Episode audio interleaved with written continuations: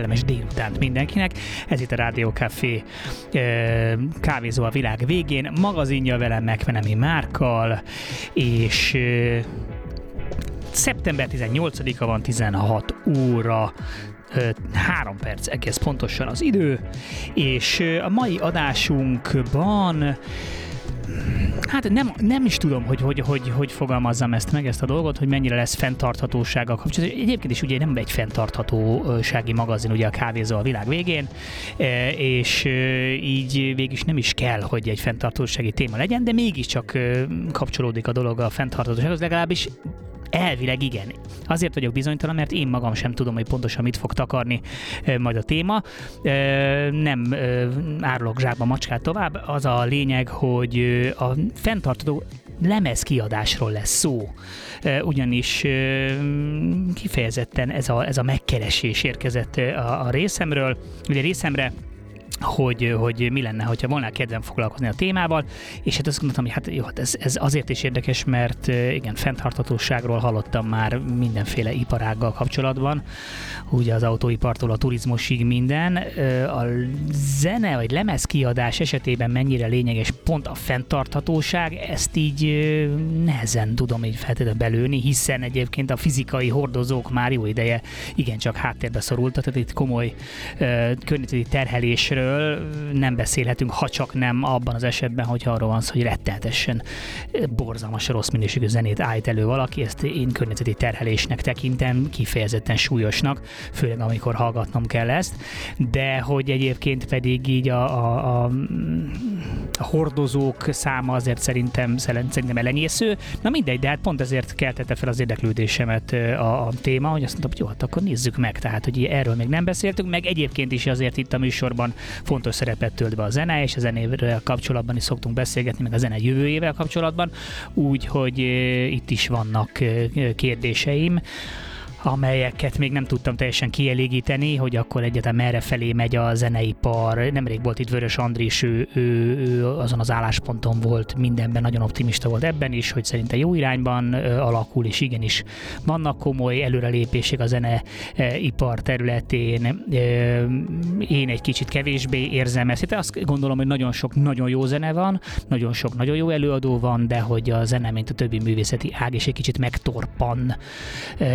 megtorpan megtorpanva van, de ilyen kifejezés megtorpanva van, tehát meg, megtorpant már jó pár éve, pont azért, mert a kultúra az, az, az, a, az a, a társadalom szövetét nagyon-nagyon jól tükrözi, ugye ennek a körbe tükre ez, és hogy itt sem feltétlenül, itt is már valami véget ért, de nem kezdődött el valami új, és ez tükröződik a, a, a kultúrában, a művészetekben is, és nagyon-nagyon jó minőségű kultúrtermékeket tudunk előállítani, de hogy újdonság, forradalmian új dolog nincsen, az szerintem teljesen egyértelmű, de lehet, hogy ők sem fognak egyetérteni ezzel, és és megcáfolnak meg. Egyáltalán ugye megint csak előjön a téma, hogy akkor mi a helyzet a mesterséges intelligenciával, hogy ez milyen szinten fog belenyúlni itt az egész zeneiparba, meg, meg a művészetekbe, úgyhogy erről is fogunk beszélgetni, és hogy kik is lesznek, akkor nevezzem most már néven a két vendéget, akik, akik érkeznek.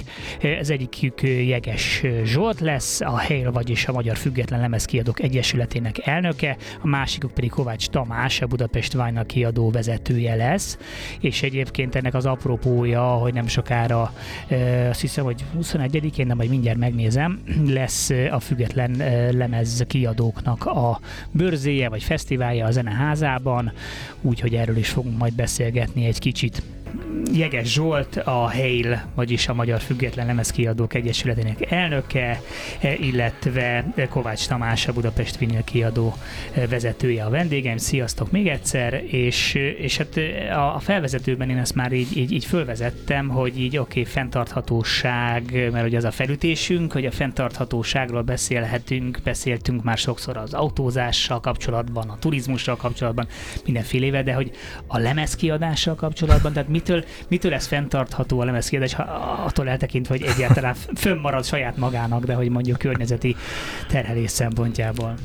Hát ez egy érdekes kérdés.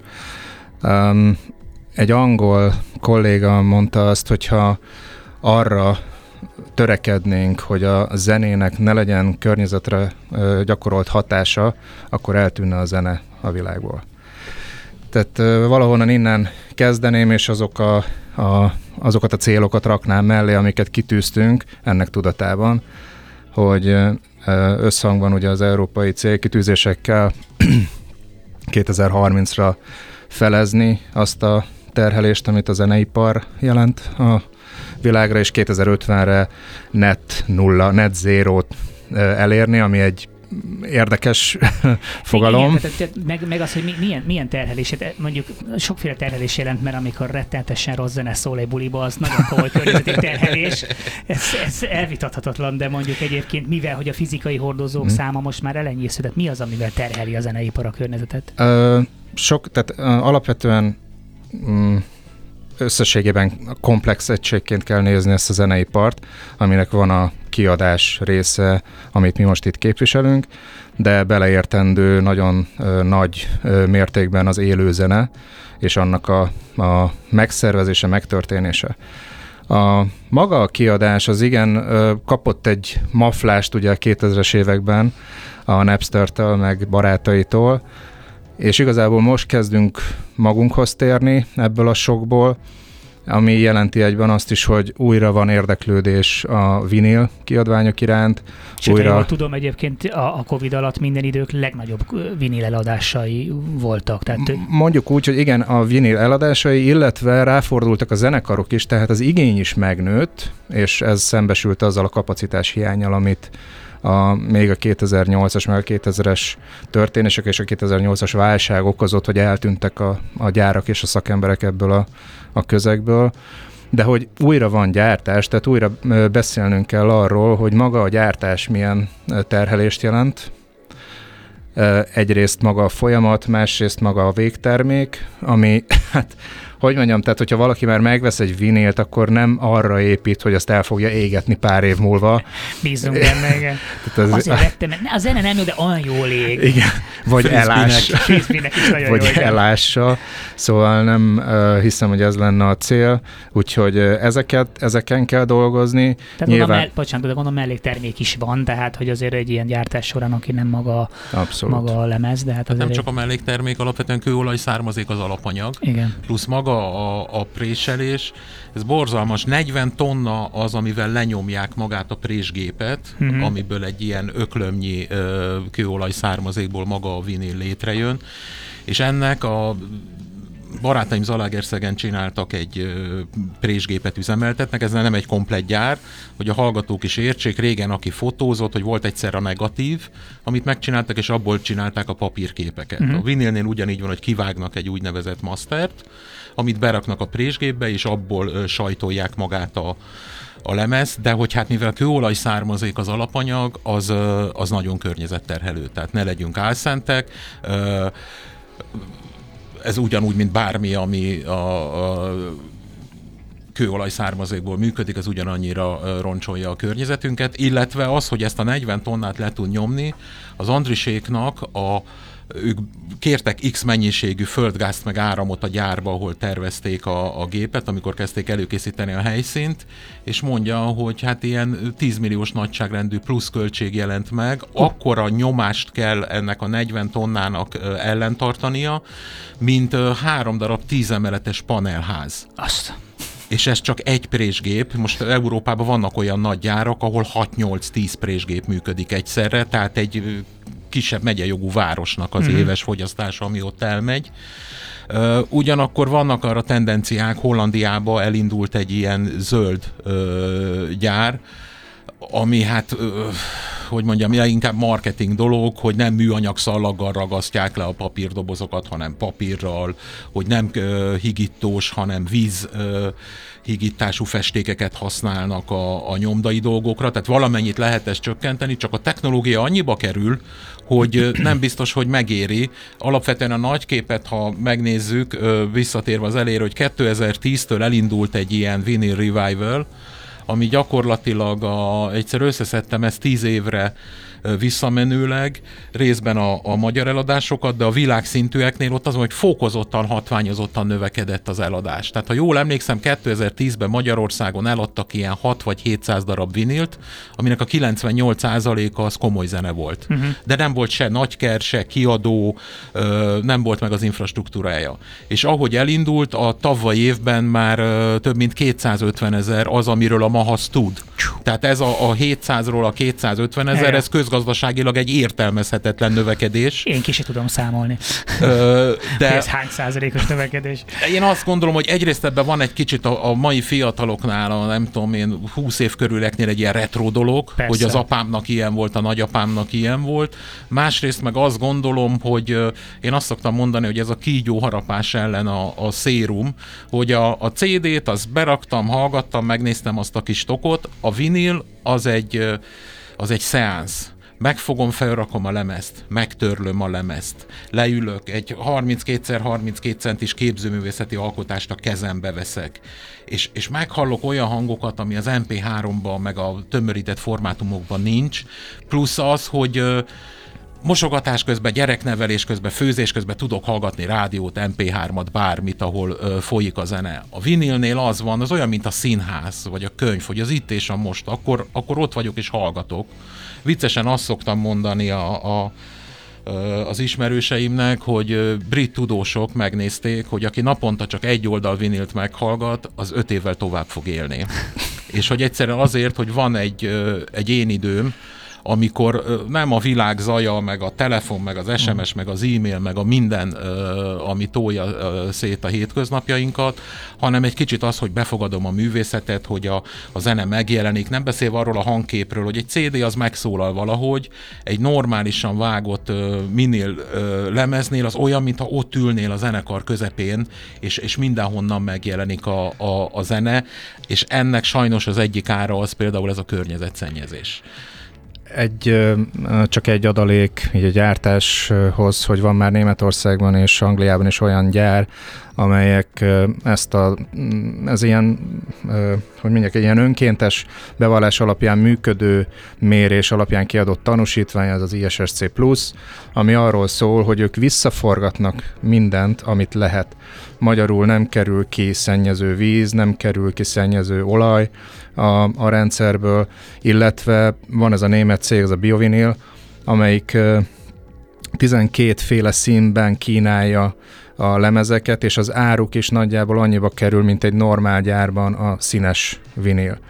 Tehát próbálnak ők így... De így, azt is ugyanúgy bakeritben, mert ez nekem ez a furcsa, hogy azért annyiféle kompozit, mindenféle anyag van, hogy pont Na ez a kulcs, hogy ők már újra hasznosított műanyagból mm. nyomják ezt, és igazából az a fontos, hogy nincsen minőségvesztés. Tehát ugyanolyan minőségű lemezeket tudnak gyártani, mint a, a klasszik eljárással készült. Miért tartott egyébként ilyen sokáig, hogy mondjuk a, a, a bakelit helyett jöjjön valami? Tehát, hogy a bakelitnek van valami olyan tulajdonsága, ami, amiért szebben szól, tehát, hogy így nehéz volt megtalálni az alternatívát? Ez a mechanika miatt van, hogy amíg a digitális jelek azok nullák meg egyek, amiket most az, hogy nem tudom, 96 uh, kilobit per szekundummal rögzítik, a vinil, és ezt kitalálták száz évvel ezelőtt, az máshogy működik, mert ott fizikai letapogatással jön létre a hang. Ezt egyébként nézték szakemberek szociológián, hogy Angliában egy barátom ahol járt, magyarázta, hogy a, a, a szív dobogáshoz közelebb áll a mechanikai letapogatás, mint a digitális. Mm. És egyébként, hogy vannak olyan finomságok, amit színpadképnek hívnak, hogy a hangszerek mennyire különülnek el a lejátszásnál, a digitálisnak egy lábdob, egy trombita, egy ének, egy hárfa, az ugyanúgy nullák meg egyek, míg magánál a, a, a vinilnél teljesen más az a fizikai jel, amit egy hárfa hangja után hallasz, vagy egy lábdob után. És ezért van az, hogy például a, a, a vinilnél vannak fizikai korlátok, tehát hogy maximum 22 perc, amit normális dinamikával ki lehet vágni egy lemez oldalra. a, a, az összes dobot meg basszus, nem tudom, 170 Hz alatt monósítani kell, mert ha sztereóba rakod föl, dupla annyi helyet foglal el, és annyival kevesebbet tudsz rárakni a lemezre.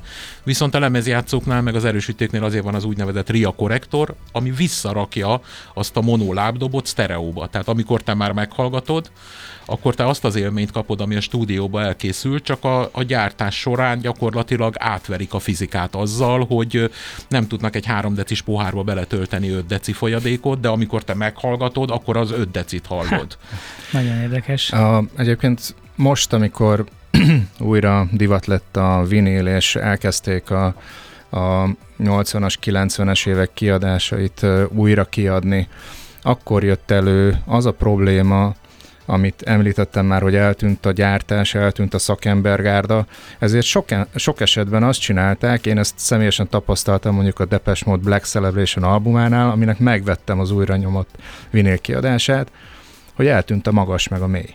Hm. Mert hogy... Kispórolták? Nem, nem a, a, nem a master anyagról csinálták meg, hanem a CD-t digitalizálták be.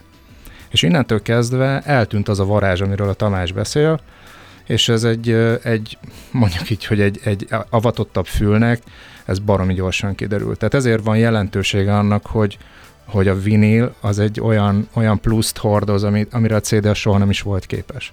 Tehát azért nem csak egy ilyen sznobizmusról, meg, meg egy trendiségről van szó, hanem, hanem valóban továbbra is azért az van, hogy ha igazán jó minőséget akarsz, akkor azt a vinil tudja csak is kizárólag megadni, ezt mondhatjuk. Tehát Én digitál... elfogult vagyok, de igen. Tehát digitálisan el lehetetlenség, mondjuk ugyanezt az, ezt a Nem, minőség... vannak olyan felbontású igen. mesterszalagokról, amiket ilyen, ilyen high-high minőségben nagyon-nagyon sok száz dollárért meg lehet venni ö, ö, lemezeket digitálisan is, meg mesterszallagról is, de ahhoz meg több tízmilliós cucc kell, hogy az kijöjjön. Hát mm. igen, és akkor induljunk ki abból, hogy a zenefogyasztás az most jelenleg úgy néz ki, hogy van egy telefonod, és van hozzá egy USB-n csatlakozó fülhallgatód. Na most vagy még az se. Vagy még az se, igen, és innentől inkább. kezdve hiába beszélünk olyan minőségről, amit egy, egy vinél tud, mert maga a technológia nem képes arra, hogy ezt reprodukálja. Mi is kanyarodjunk rá egy kicsit a, a zene technológiai lehetőségeire, és hogy merre felé megy. Ugye itt a, a, a zene alatt is már azért elég sokat beszélgettünk Jeges Zsoltal és Kovács Tamással, akik itt a vendégeim ma a, a zeneiparral kapcsolatban és ugye azt, azt megtaglaltuk, hogy milyen érdekes, hogy, hogy ugye milyen számokat produkálnak a, a lemezkiadások, és közben meg egy csomó mindenkinek konkrétan, tehát veszik a bakelitet, itt mondtad, hogy a Carson Command, nem tudom, 3000 bakelitet vettek meg, és közben meg a 70 százalék, vagy mekkora a százalék? 80 százalékának nincs lemezjátszója. És ez, ez, nagyon, ez nagyon-nagyon érdekes, de hogy akkor mégis miért veszik meg azt a bakelitet? Ez egy nagyon érdekes kérdés. Egy részének a, pont az, amit én azt hittem, hogy ez a hip-hopba megy, meg a metalba, hogy a tárgykultúra rész fontos, hogy én rajongója vagyok a metalikának, és akkor mindent, amire rá van írva a zenekar, azt hazaviszem, mert én vagyok a rajongó de hogy, hogy pont a, a, a vinil, ami tényleg egy ilyen furcsa dolog, öt évvel ezelőtt Irie Mafia koncertre mentünk kiárulni a parkba, és körülbelül 50 fiatal oda jött ez a 15-25 közötti a, a merchpultba, hogy CD, CD, és mondtuk, hogy Budapest vinél nincs, nincs CD, és mondja, hogy de ezt nem tudom berakni apámnak a CD lejátszójába, mert hogy nem értette, hogy mi ez a formátum. Ah. És hogy, hogy az Ári Mafia szerintem nem tudom én, az 5-10 legnépszerűbb magyar élőzenekar között van, irgalmatlan tömegek előtt játszanak, és kiderült, hogy nem tudom én, 0, valahány tized vagy század százaléka az, aki tudja, hogy az a hordozó, amin megjelent az ő anyaguk, az egyáltalán hogy működik. Az egyetem micsoda, a nagy fekete, a nagy fekete CD. Igen, tehát, tehát ez, ez, ezt is akartam tőletek kérdezni, hogy, hogy, hogy az egész nem csak a hordozókra, hanem egyáltalán a, a zenével kapcsolatban, hogy ugye egyre durvább tömeg cikké válik a, a, a zene. Én nem tartozom azok közé, aki azt állítaná, hogy egyre rosszabb a minőség, mert nem igaz, szerintem nagyon jó, nagyon jó minőségű produktumok is vannak odakint, csak hát nyilván iszonyatosan nagy, nagy a dömping, és azért százalékosan azért a nagy része viszont tényleg szemét, és nem is készül másnak. Tehát, hogy ez is uh-huh. látszik, hogy ezek fröccsöntött dolgok, ha két hétig megy, akkor megy, és aztán utána jöhet a következő. Tehát, hogy, hogy amikor, amikor ilyen, ilyen ipari irányt vesz, hogy, hogy, hogy ti merre látjátok menni a, a, a zeneipart, hogy ez is vajon így, így ketté fog válni, és lehet, hogy tényleg az lesz egy-két éven belül, hogy mondjuk az AI real-time fogja mondjuk a hangulatunkhoz gyártani az éppen aktuális zenét, és aztán egyébként meg mások mm. meg csak nem tudom, unplugged fognak játszani valahol élő közönség előtt? Abszolút. Fú, hát... Sok csatornás, többdimenziós modell lesz. Én azt gondolom, hogy, hogy ugye amit már említettem, az a 2000-es összeomlás és az abból való építkezés az nagyjából és a technológiai fejlődés így sejtetni véljük azt, hogy, hogy ez milyen irányba uh, halad tovább. Uh, nagyjából azt gondoljuk, hogy sokkal inkább szegmentálódik majd a, a zenefogyasztás. Lesz, és ugye most már itt van az AI is, igaz, hogy az AI nem tud még dalt írni. Ami igaz, szerintem egy fontos... Ami azért egy nagyon fontos dolog. Uh, hogy lesz ennek egy, egy ipari felhasználása, tehát a, a klasszik mondjuk a zeneiparnak a rossz oldala, tehát hogy az a, a pénzgenerátor, az a, a háttérben való zenefogyasztáshoz szükséges zene is, és lesz az a szűkebb réteg, aki, aki hajlandó lesz pénzt áldozni arra, hogy megvegye szerintem még drágább lesz majd valószínűleg a vinil, tehát a, azt, az, azt az adathordozót, ami jó minőségű zenét ö, hordoz, és ö, hozzákapcsolnám egyébként az élőzenei részt is, hogy ott is az, hogy, hogy koncertre menjenek el, az is változni fog, hogy ki az, aki, aki kíváncsi lesz arra, hogy mondjuk élő hangszereken előadott zenekar által előadott zenét hallgasson. Tehát a következő szerintem 10-20 év az erről fog szólni. Ez már most egyébként elindult valamelyes, mert egyáltalán azáltal, hogy hogy ugye kikerültek a fizikai hordozók, és ugye először ugye nagyon, nagyon mindenki nagyon padlót fogott, a mhm. kiadók mm. és a zenészek is, hogy nem tudtak lemezt eladni, és aztán az érdekes, hogy milyen furcsa eredménye lett, hogy sokkal fontosabb lett a koncert, ugye több ember ment koncertre, most ma már szerintem, tehát régen soha ennyi ember nem járt koncertre, pont erről beszéltünk a Vörös mm. Andrissal is néhány hete, hogy valószínűleg talán itt is meghozza ezt, hogy igen, le van egy valahol egy, egy, egy inflálódás, de ez valahol máshol meg, meg, meg visszajön. 15 évvel ezelőtt még a koncertturné az a lemez promóciója volt. Igen. De ez a 70-es évek vagy a 60-as évektől már úgy működött, hogy azért mentek el játszani, azért tudták kidobálni a tévét, meg a szakácsnőt a 8. emeletről a Gánzerúdiszék, mert belefért a Gácsiban, ez promotálta azt, hogy eladjanak x millió lemezt. Mára megfordult a történet, a CD az tényleg egy ilyen olcsó mörcs eszközé vált, hogy jönnek Pestre játszani holland meg német punkzenekarok száz embernek, és kirak nyolcféle CD-t, meg háromféle vinilt, meg húszféle pólót, amiből lehet, hogy nagyobb bevétele van a zenekarnak, mint magából a gázsiból és hogy, hogy hát kifordult a, a, a világ magából, mert most meg az van, hogy a, azért lettek ilyen drágák is a koncertek, mert hogy gyakorlatilag a jogdíj az minimális. Részben a, a, az online szolgáltatók tehát egy magyar zenekar mit tudom én, nem akarok neveket mondani, de barátaim nagyon-nagyon jó nevű magyar zenekar, YouTube-on egy millió nézés után kap 15 ezer forintot. És hiába van barátja operatőr, hiába van barátja vágó, nem lehet mindig ingyen kérni mindent, de akkor is pár százezer forintot bele kell rakni abba, hogy egy nézhető videót elkészíts a YouTube-ra, és ha a egy millióan megnézik, ami sok, az, ilyen, az Akkor jó. kap utána 15 ezer forintot, és közben meg kifizet 4 kilót mondjuk egy klipre, amit baráti áron hmm. összeraknak neki. Ez egy, ez egy furcsa helyzet.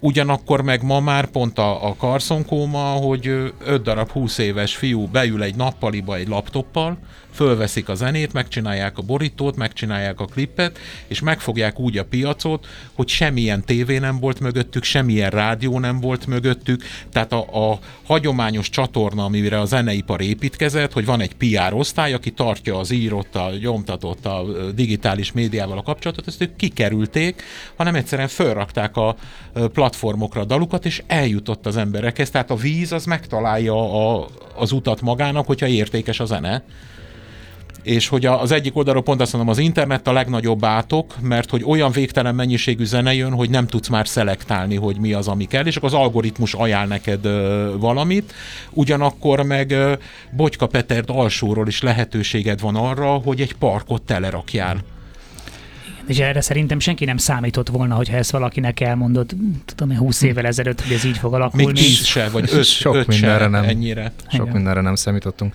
Most az aktuális kérdés egyébként, ha már itt a, a kiadókat képviseljük, az az, hogy szükség van-e még Ezt akartam kiadókra. én is pont kérdezni, hogy igen, hol, hol, igen, hogy igen, hogy hol van itt a kiadó szerepe, hogyha ugye az van, hogy ugye a kiadó volt az, aki befektette ezt a Mhm. pénzt, kiadta a lemez, stb. fölépítette a zenekar, de hogyha ez most már így közvetlenül megy, akkor mit csinál ma egy kiadó? Hát igazából az történik most, hogy, hogy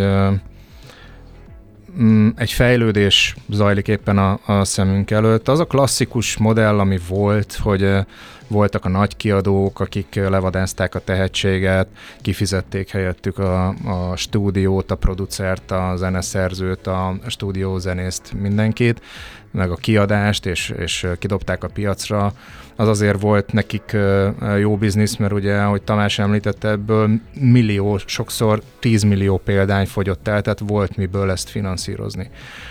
Most ugye ez megfordult, ez a, ez a medence, ez kiürült, ezért valamilyen módon ugye pont 2006 táján volt az, hogy, hogy bejött ez a 360 fokos tevékenység, ami egy próbálkozás volt, hogy Ez jó, akkor pontosan, hogy 360 akkor fokos tevékenység? Húzzuk be az összes tevékenységet a kiadó alá, tehát legyünk mi azok, akik szervezzük a koncertet, akik promótálják, Mhm. akik a, a ö, sync, tehát a reklámokba eladja, a filmekbe eladja, tehát a másodlagos felhasználásból pénzt keres, és akkor talán ebből összejön annyi pénz, hogy maga a kiadó az meg tud élni.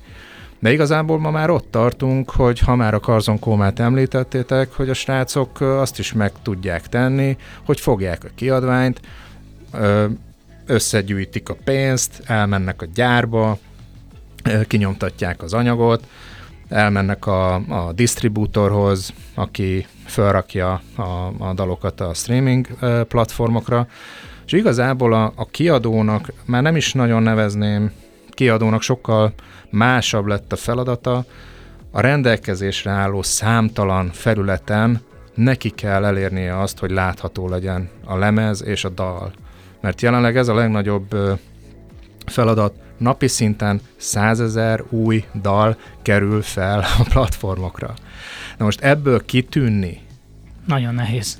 Nem is, tudom, hogy, nem is tudom, hogy hogy, tehát, hogy ez borzasztóan nehéz, mert hogy egyre kevesebb a, Hát ez a, ez a tudás, ez az igazi tudás, hogy, hogy azokat a platformokat, ami rendelkezésre áll, nem tudom, lehet-e mondani, YouTube, TikTok, Persze, Facebook, persze. stb. Tehát az összes olyan platform, ami, ami gyűjti a közönséget, a potenciális közönséget, az észrevegye ezt a, a, a, az egy, új ilyen fekete, terméket. egy ilyen fekete mágiává vált valami, nem? Tehát van egy ilyen, egy, ilyen, egy ilyen algoritmus, amiről azt se tudjuk, hogy micsoda, egy ilyen fekete doboz, ami valamilyen alkímia által működik, mindenki próbálja megfejteni, mindenki azt állítja, hogy ő tudja, hogy mi a, de igazából senki sem tudja, mert főleg úgy, hogy két hetente meg is változtatják, és akkor mindenki próbál ilyen-olyan ráolvasással valamit csinálni. Ez egyébként borzalmas, és annyira ijesztő része, és egyébként tudtam, az Európai Unió egyébként be is fenyítette például a Facebookot, hogy nyíltá kell tenniük azt az, a, a, az algoritmust, ami alapján az egész, egész Abszolút. rendszer szűr, mert hogy hát én magam is ide tartozom, komoly-komoly Mhm. üzletem van az ő platformjukon, érted, itt akár, itt akár az én üzletem sajnos nem 100 millió dolláros, de mondjuk egy több 100 millió dolláros üzlet is lehet, és mégis ki vagy szolgáltatva vannak, hogy hát lehet, hogy most éppen valamit Mhm. megváltoztatnak az algoritmuson, és bukod az egész bizniszed. Hát illetve az emberi részét is meg kellett vizsgálni annak például, hogy a TikTok milyen hatással van ö, egyes ö, ilyen emberek karrierjére.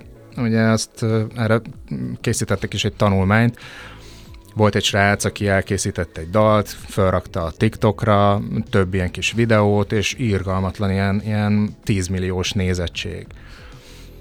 Tudod, ugrálás, fú, mekkora siker, mindenki örült, hogy fú, világsztár leszel, stb. És akkor, ú, akkor a második dal, és arra kutya nem volt kíváncsi. Igen. Tehát, hogy ez viszont ö, olyan ö, hatást ér el az emberben, ami pszichológiailag azért elég durva. Nagyon kemény. Hát Én, én, én azért elég nagy zene paffa vagyok, és nagy zenei fogyasztó, de azt vettem észre, hogy, hogy konkrétan egy csomó ezen, amit így történet, azt se tudom, hogy ki tehát ki játszott. Uh-huh. Tehát, hogy az van, hogy a, a spotin megy, el, elrakom a valamelyik lejátszási listába, bekedvencem, nem tudom, hogy ki, akkor Igen. tudom, hogyha mondjuk véletlenül valami előadótól már több egyszerre ott van, akkor lehet, hogy megjegyzem, és akkor megkérdezi tőlem valaki a kocsi, hogy te ez mi? Meg kell néznem, hogy nem, nem tudom. Tehát, hogy ez is igen, hogy egy ilyen, egy ilyen anonim fogyasztás lett, és ebben a közegben hiadóként dolgozni, hát azért ez nem, nem annyira egyszerű. Csak visszatérve a 360 fokra, hogy esetleg a hallgatók jobban értik, volt a Universal uh, magyar hanglemez kiadó, ami tulajdonosi átfedéssel volt mellettük egy multimédia nevű cég, akik hangtechnikát biztosítottak a fellépésekhez, és a Universal roncsain végre jött a világ legnagyobb ilyen 360 fokos cége, a Live Nation, aki a YouTube-tól a Madonnáig, a Guns N' Roses-tól a nem tudom, mindenkinek csinálja a dolgait, és azt néztem, hogy nagyon megváltozott a szemlélet, én sokat dolgoztam együtt, kilenc évig voltam a Szigetnek a programigazgatója nagyon nagyokkal, és hogy például Budapesten a Dürerbe a Live Nation hoz koncerteket, hogy néztem az akváriumba hoz koncerteket, tehát a 3-4-500 fős jegyér is lehajolnak, Aha. rájönnek arra, hogy egyrészt a közönséget nevelni kell, hogy nem csak az van, hogy jön az USB-vel a DJ valaki, fölveszi a 100 ezer eurót és elmegy haza. a hónaját egy kicsit. Hanem, ö, hanem, hanem a, a valódi produkcióknak egyszerűen az utánpótlás ki kell termelni, hogy a 10-20 évesek azok járjanak 5 év múlva is ö, bulikba, és hogy a, a, a Live Nation ez baromi komolyan veszi, tehát hogy most már nem csak az arénák, hogy most az MVM vagy a, a sportcsarnokba megyünk, hanem mondom, ilyen, hogy 500 fős helyeken a Live Nation bulikat csinál, és nem csak Magyarországon, ahol mondjuk más a fizetőképes kereslet, mint mondjuk a rothadó németeknél, vagy franciáknál, vagy olaszoknál, de hogy a, a 360 fokban ez is benne van, hogy ők gyártják most már a mörcsöt nekik. És tudja azt, hogy Magyarországon is elfogadni a 32 darab kapucni és 15 ezer ér darabját, és az ugyanolyan fontos neki, mint New Yorkban, ahol meg elad ezret, mert azt a bevételt, amit a, a régi, nevezük most már hagyományos vagy old school ö, lemezipari modell ö, működtetett, azt a bevételt neki garantálni kell ahhoz, hogy ugyanazt a felhajtást meg tudják csinálni és, és ezért tényleg ez, hogy a csengő hangtól a reklámzenék értékesítésig, a, a élő fél playback, playback hakniktól az aréna koncertekig, ez minden egy kézben van. Uh-huh. Tehát nem külön PR ügynökség van, aki vesz három darab óriás plakátot, meg húsz darab mahír helyet, hanem ez is már náluk Aha. van minden, és hogy a, a, hát ott olyan mennyiségű tőke volt, meg olyan katalógusaik, amit nem lehet hagyni veszni, mert jött ez a dolog, jött, és akkor tényleg az volt, hogy 2010 körül egyszer csak puf, és nem tudom én, 850 százalékot visszamentek a bevételek de közben meg a, a, az igény megvan, csak a magyar mondjuk annyit lát, hogy 10 éve még el tudtam menni 10 ezer forintért egy külföldi koncertre, most, most meg 40. Nem. Igen, nagyon nem. Ez, ez úgy gondoljátok, hogy ez egy ez, ez elég és tartható lesz? Ez marad az irány, vagy, vagy pedig lehet, hogy még, még többet változik ez az egész zeneipar? Mert azért azt, azt lehet látni, bocsánat, azt lehet látni, hogy mondjuk a Spotify azért mm. nagyon durván eluralta, mm. azt azért lehet tudni, hogy a Spotify nem fizeti agyon a, mm. a, a, a zenészeket, de aztán közben ott van a Bandcamp, ami meg ugye egy olyan, ami egy, egy, egy, egy ellenreakció erre, hogy akkor igen, mm. akkor támogasd a zenészeket, vedd meg. Ez, tehát, hogy, hogy, hogy, hogy, hogy látjátok, merre felé formálódik szerintetek? Igazából ami, ami fontos nekünk, mint, mint szövetség, tagjaként az, az Európai Független Kiadók Szövetségének, az Impalának. Itt vannak akciótervek, vannak konkrét tevékenységek, amelyek abba az irányba mutatnak, hogy legalább csökkentsük azt a környezeti terhelést például, amit a zeneipar jelent, az most jelenleg éves szinten összességében egy fél millió tonnát jelent egyébként, hm. amit produkálunk, és igazából van rá lehetőség, hogy ezt csökkentsük. Az egyik tagunk, hát szerintem a Ninja Tune kiadót, azt sokan ismerik, ők már 2008-ban például megváltak a, az úgynevezett Jewel toktól, ami a CD-nek ugye ez az átlátszó műanyag uh-huh. tokja, mert hogy az a leg, legnagyobb ellenség a hát zeneiparban, mert nem bomlik le, uh, semmit nem lehet vele semmit csinálni. Nem lehet, igen, most mennyit dobtam ki belőle, és tényleg. És ők igen. áttértek kartonpapír csomagolásra, vagy egyéb olyan, olyan újrafelhasználható anyagra, ami környezetbarát, nekik nincsenek céges autóik, napelemekkel rakták tele a, magát a kiadó épületét, olyan, olyan energiaszolgáltatókkal állapodnak meg, amelyek újra felhasználható, vagy hogy hívják, olyan, olyan technológiákat, megújuló, megújuló, energiával, uh-huh. megújuló energiával dolgoznak, és Igazából a zenészeik is nagyon elkötelezettek, ugye a Cold Cut, amelyik ugye alapítója Ninja Tune-nak, ő, nekik is van külön kezdeményezésük, hogy hogy lehet ezt ö, ö, fenntarthatóbbá, tisztábbá tenni ezt az egész iparágat. Mi, mint, mint, mint szövetség pedig azt próbáljuk segíteni a kiadókat. Például kifejlesztettünk egy úgynevezett karbon kalkulátort, amit rendelkezésükre bocsájtunk a kiadóknak, ők ebbe a kalkulátorba a saját adataikat bevíve láthatják azt, hogy ők milyen terhelést jelentenek, és melyik területeken lehet mondjuk csökkenteni ezt. Ha már itt említésre került a, az Zalaegerszegi gyár is, tehát sokan ö, vannak, akik ö, ö, nincsenek tisztában azzal, hogy lehet igénybe venni megújuló energiaforrásokat, lehet olyan technológiai megoldásokat választani, most csak egy példa, olyan transformátorokat üzemeltetni, amelyek nem jelentenek akkora környezeti terhelést, tehát nem elavult technológiával működnek, hanem már valamilyen új technológiával. Ezeket mi tudjuk biztosítani, ezeknek az elérhetőségét. Tehát igazából mi amin dolgozunk, az az, hogy maradjon fenn az egész, és legyen ez sokkal környezetbarátabb, és tisztában léve, léve azzal a tényel, hogy ez nem egy egyszerű dolog, mert sok esetben ez olyan mennyiségű befektetést igényel, ami mondjuk egy magyar kiadótól nem elvárható. Igen, igen, mert mondjuk egy vállalat azt mondja, hogy jó, oké, mondjuk én nem tudom, Pontosan. négy év alatt ez nekem megtérül, de amikor mondjuk van egy cég, amelyik egyébként is azért így Küzd. nem duskál, igen, a, a, a pénzben, akkor még ezt elvárni. Nem, abszolút mi, mi azt tűztük ki célul, hogy apró lépésekkel, de próbáljuk meg elérni azt, hogy egy picit tisztább legyen ez a, az egész iparág. A Piász, amelyik megint csak egy hatalmas kiadó Európában, az ő főnöke mondta ezt a múlt heti ülésünkön, hogy akkor ő holnaptól leállítja a bakelit gyártást, és akkor jó lesz. Szóval igazából mm, valahol, valahol próbálunk egy ilyen arany középutat találni, hogy hogy lehet a, a több ezer kiadót, aki Európában tagja ennek a szövetségnek, olyan eszközökkel segíteni, ami elérhető nekik, és mondjuk nem teszi tönkre a céget. Igen.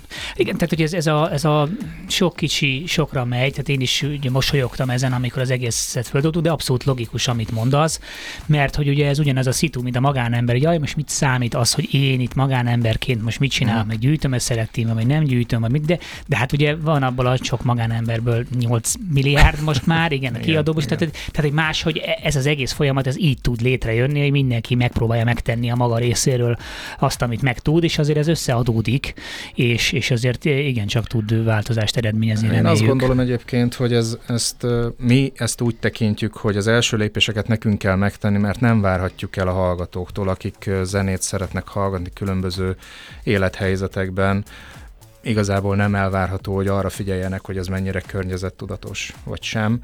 Tehát ezeket a lépéseket nekünk kell megtenni, és nyilván ebben partnerségre kell találni a, a fogyasztókkal, hogy akkor ők se veszik meg, ők sem hallgatnak mondjuk napi 5 óránál több Spotify-t, mert tudják, hogy az 5 óránál több az már olyan terhelést jelent, ami már nem annyira tolerálható, szóval vannak ilyen. Igen, és miért mondjuk ha 5 óránál több Spotify-t? Ezt kiszámolták, hogy igazából, hogyha az 5 órás napi hallgatás az, ami még belefér abba a, a mennyiségbe, ami terhelés összegyűlhet a jelen fogyasztókat De mondjuk itt a szerverek fogyasztását abszolút. Itt abszolút, is, sokan nem látják, hogy irgalmatlan méretű szerverpark van emögött, az, hogy valaki meghallgat egy albumot, az nem is tudom, ilyen, ilyen autókilométerre is lebontották, hogy nem tudom, 60 autónak a 100 kilométeres útjával egyenértékű, szóval... Na, hát ezt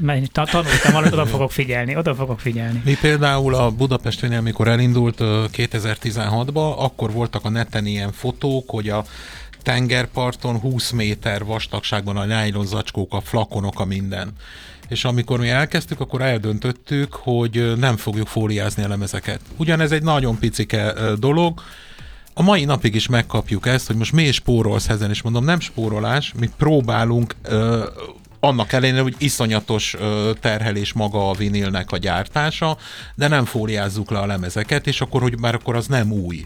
És mondom, de ez új, és mondjuk van 20 kiadó Magyarországon, aki vinilt ad ki, szerintem a Trottel a másik, aki nem fóliázza, az összes többi fóliázza őket, és nekem is jönnek, hogy Rasta, miért nem fóliázod?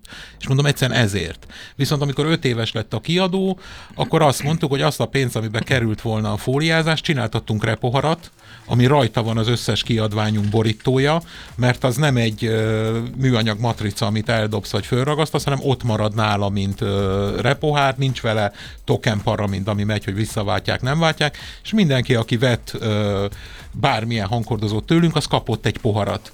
És nagyon vicces, hogy voltam fönt az utolsó megmaradt magyar nagykerbe az MG Recordsba, ahol már lecserélődött a személyzet fele, de a poharak ott vannak ö, náluk, hogy bemegyek a Vév lemezboltba, és a Madár Budapest vinil pohárból iszik. Egyik kiadó se csinálta meg, nem egy őrült nagy ö, dolog, csak annyi, hogy ezek pici dolgok, de mi megpróbáljuk ezzel például, hogy amikor uh, volt egy nem tudom, egy gangsta díszdoboz, nem ö, fóliáztuk, hanem papírzacskót vettünk, már az egy ilyen nagy ö, 40 mm-es vastag doboz volt tele mindenféle zenekari ö, relikviával. Ezek pici dolgok, de pont az lenne a jó, hogyha ezt a többi kolléga is észrevenné, mert ez a sok-sok pici milliméter ö, hozzájárulna ahhoz, hogy egy kicsit környezetbarátabbá tegyük ezt a ezt a szakmát, vagy ezt az iparágat. Hát egyetlen ez a csomagolás és a fólia használat, ez egy ilyen nagyon kényszeres dolog. Tehát, hogy én nekem a legdurvább ilyen esetem az az volt, amikor egy, vettünk egy kanapét, és két párna, ami rajta volt, az lyukas volt. És akkor mondtak, hogy jó, akkor küldenek, küldenek két másik párna. Két párnáról beszélünk. Lefejtettem, be voltak tekerve fóliába, 52 méternyi fóliába volt betekerve a kettő párna. Mert ugye hát ott van az a tömb, tehát így végig tekerés, azt, és akkor én azt így félre raktam, nagyon sokáig tartogattam, és aztán végül valamire föl tudtuk használni, mert ennek is van webshop, mm-hmm. tehát mhm. azokat igyekszünk így újra használni, de hogy, hogy igen, tehát hogy eszébe se jut, mert ott van, hát nincs, nincs, tehát ez a baj, hogy nincsen igazából költsége, tehát tényleg nem spórolásról van szó, mert annyira olcsó mm.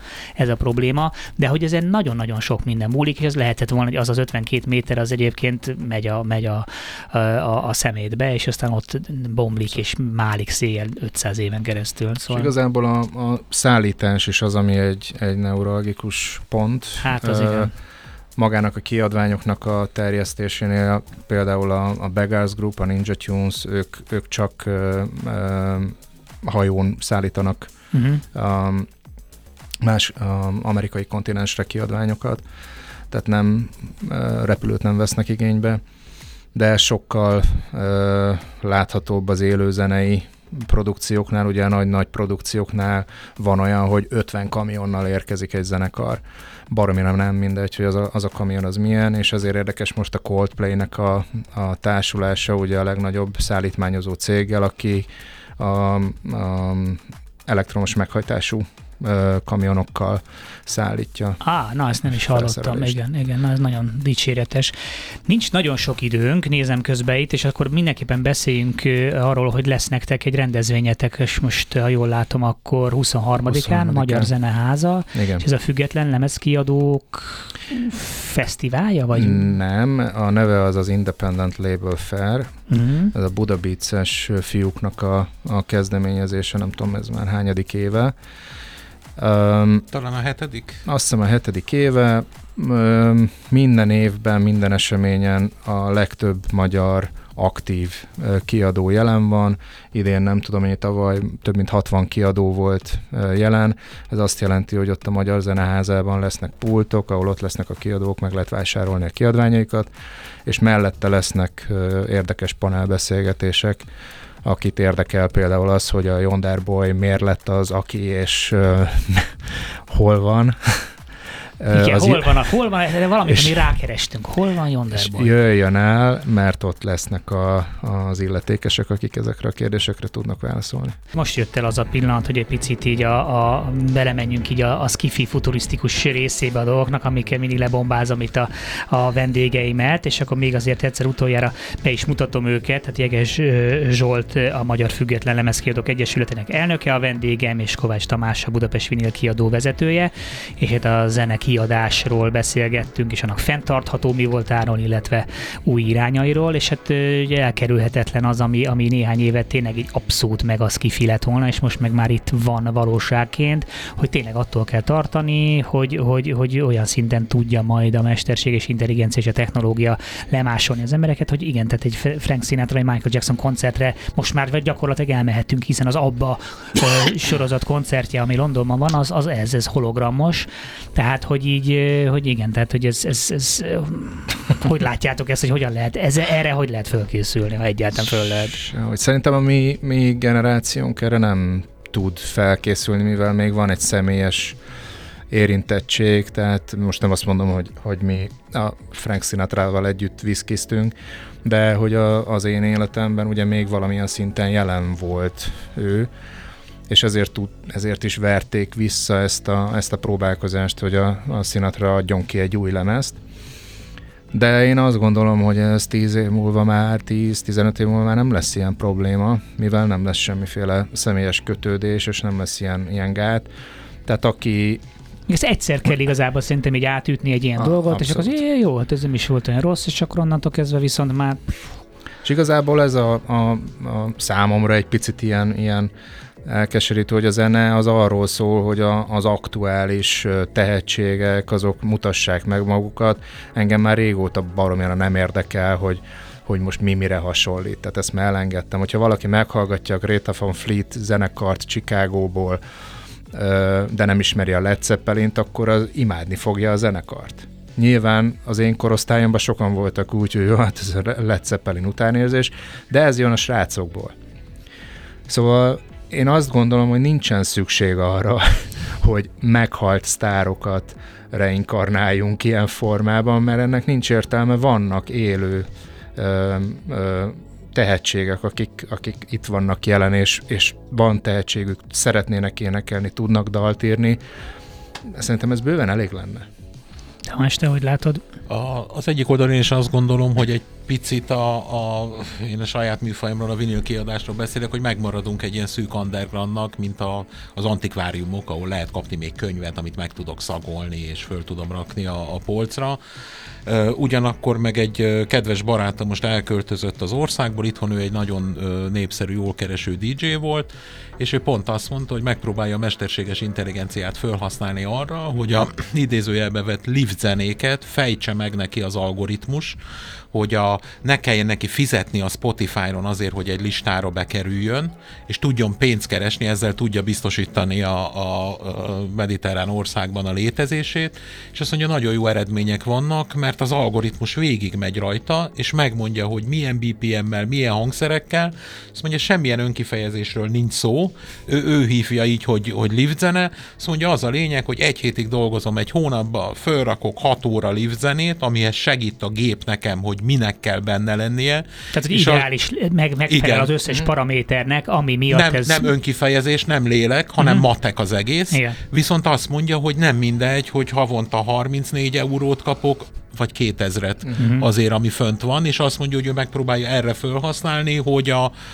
az egzisztenciális biztonságot azt a, a gép által keresse ö, meg, és a gép azt mondja maximálisan alkalmas erre, ne, és hogy ez a kettő együtt fog működni, tehát meg lesz az, aki gyűjti még a CD-t, a vinilt, a kazettát, nem tudom, hogy felfedeznek-e még új formátumokat, és emellett meg menni fog ez a, ez a fogyasztási ö, történet, amiben aztán mindent bele fognak ö, rakni, amiért tőled pénzt tudnak kicsalni. Hát én nekem meggyőződésem, hogy nem is, tehát onnan már most a gép csak elemzi, de szerintem már nagyon nagyon-nagyon kevés idő, hogy a gép konkrétan meg is csinálja, Meg is ugyanígy, ugyanígy megcsinálja, sőt valószínűleg real-time csinálja, tehát hogy az van, hogy mindenféle érzékelők rajtunk vannak, azt mondja, oké, hát én tudom, hogy ezt meg ezt szereted, most egy kicsit melankolikusnak tűnsz, most ez kell, és akkor ahogy otthon jössz, mész, akkor pont az, a, az, az fog menni, ami valószínűleg igen, mindig az lesz, hogy lehet, hogy lesz olyan adott állapot, amikor nem akarsz nagyon figyelni, egy olyan zenét akarsz, ami csak így nem tudom, a főzéshez így egy jó hátteret Mm. ad, és aztán ott lesz az, amikor fel akarod rakni a vinilt, és Van tényleg. most, van most az Artisiusnak egy, egy ö,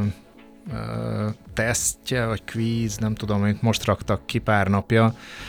Ö, Múlt héten beszélgettem velük, ők ö, irattak egy zenekarral egy számot egyedül, kértek egyet, hogy közösen az AI-jal, és a harmadik verzió az csak az AI. Uh-huh. Fönt van az oldalukon, és ki kell választani, hogy melyiket Aha, kiírta. tehát nem tudod, hogy melyiket Nem. kiírta. Az izgi? Na, ezt, ezt, ezt Egyébként ez pont azt hiszem, hogy az Artisius is, meg az FPI, tehát hogy világszinten a jogvédők most végre nagyon-nagyon korán elkezdtek gondolkodni azon, hogy például szerzői jogdíjat hogy lehet az AI-nak fizetni. Igen, Tehát igen. nincs bankszámlaszáma, nem természetes személy, nem jogi személy, hogy ez hogy van, hogy például már uh, híres európai DJ-k is azt mondják, hogy nem fogok én négy napig ülni a stúdióba, hogy összerakjak valamit, Mhm. oda küldöm az intelligenciát, megírja, és a saját nevemen leadom. Erre, erre az EU azt mondta, hogy ez, ezt nem, tehát ezzel nem lehet pénzt keresni, tehát ami beazonosíthatatlan, és uh, uh, AI által generált, az nem fog tudni pénzt keresni. Ez a mondás, hát nyilván csak ez is olyan, hogy igen, Majd mikor, meglátjuk. igen, tehát hogy azt az AI-t is tudni kell, hogy valakinek kezelni, azt is valahogy programozni kell, ezeket a promptokat kell. Tehát valaki mondjuk most pont egy műalkotással kapcsolatban van Amerikában ez, hogy, hogy le akarta védetni, azt hiszem valamelyik műalkotását a amit AI-jal csinált a fickó, és ugye nem engedték levédetni, de hogy ő ebben nem tudom, több hétnyi munkát tett Bele. bele, tehát az, ameddig Mhm. ő azt az, az AI-t erre rávette, hogy pont ezt a képet csinálja, tehát ez végig is egy kollaboráció, tehát ennek nyilván majd, majd valahol, valahol meg kell húzni a határt, hogy igen, mi az, amiben van még emberi ö, kreativitás, és mi az, amiben nincsen. Nagyon-nagyon szépen köszönöm nektek, hogy itt voltatok. Jeges Zsolt, a Magyar Független Lemezkiadók Egyesületnek elnöke, és Kovács Tamás, a Budapest Vinyl kiadó vezetője voltak a vendégeim.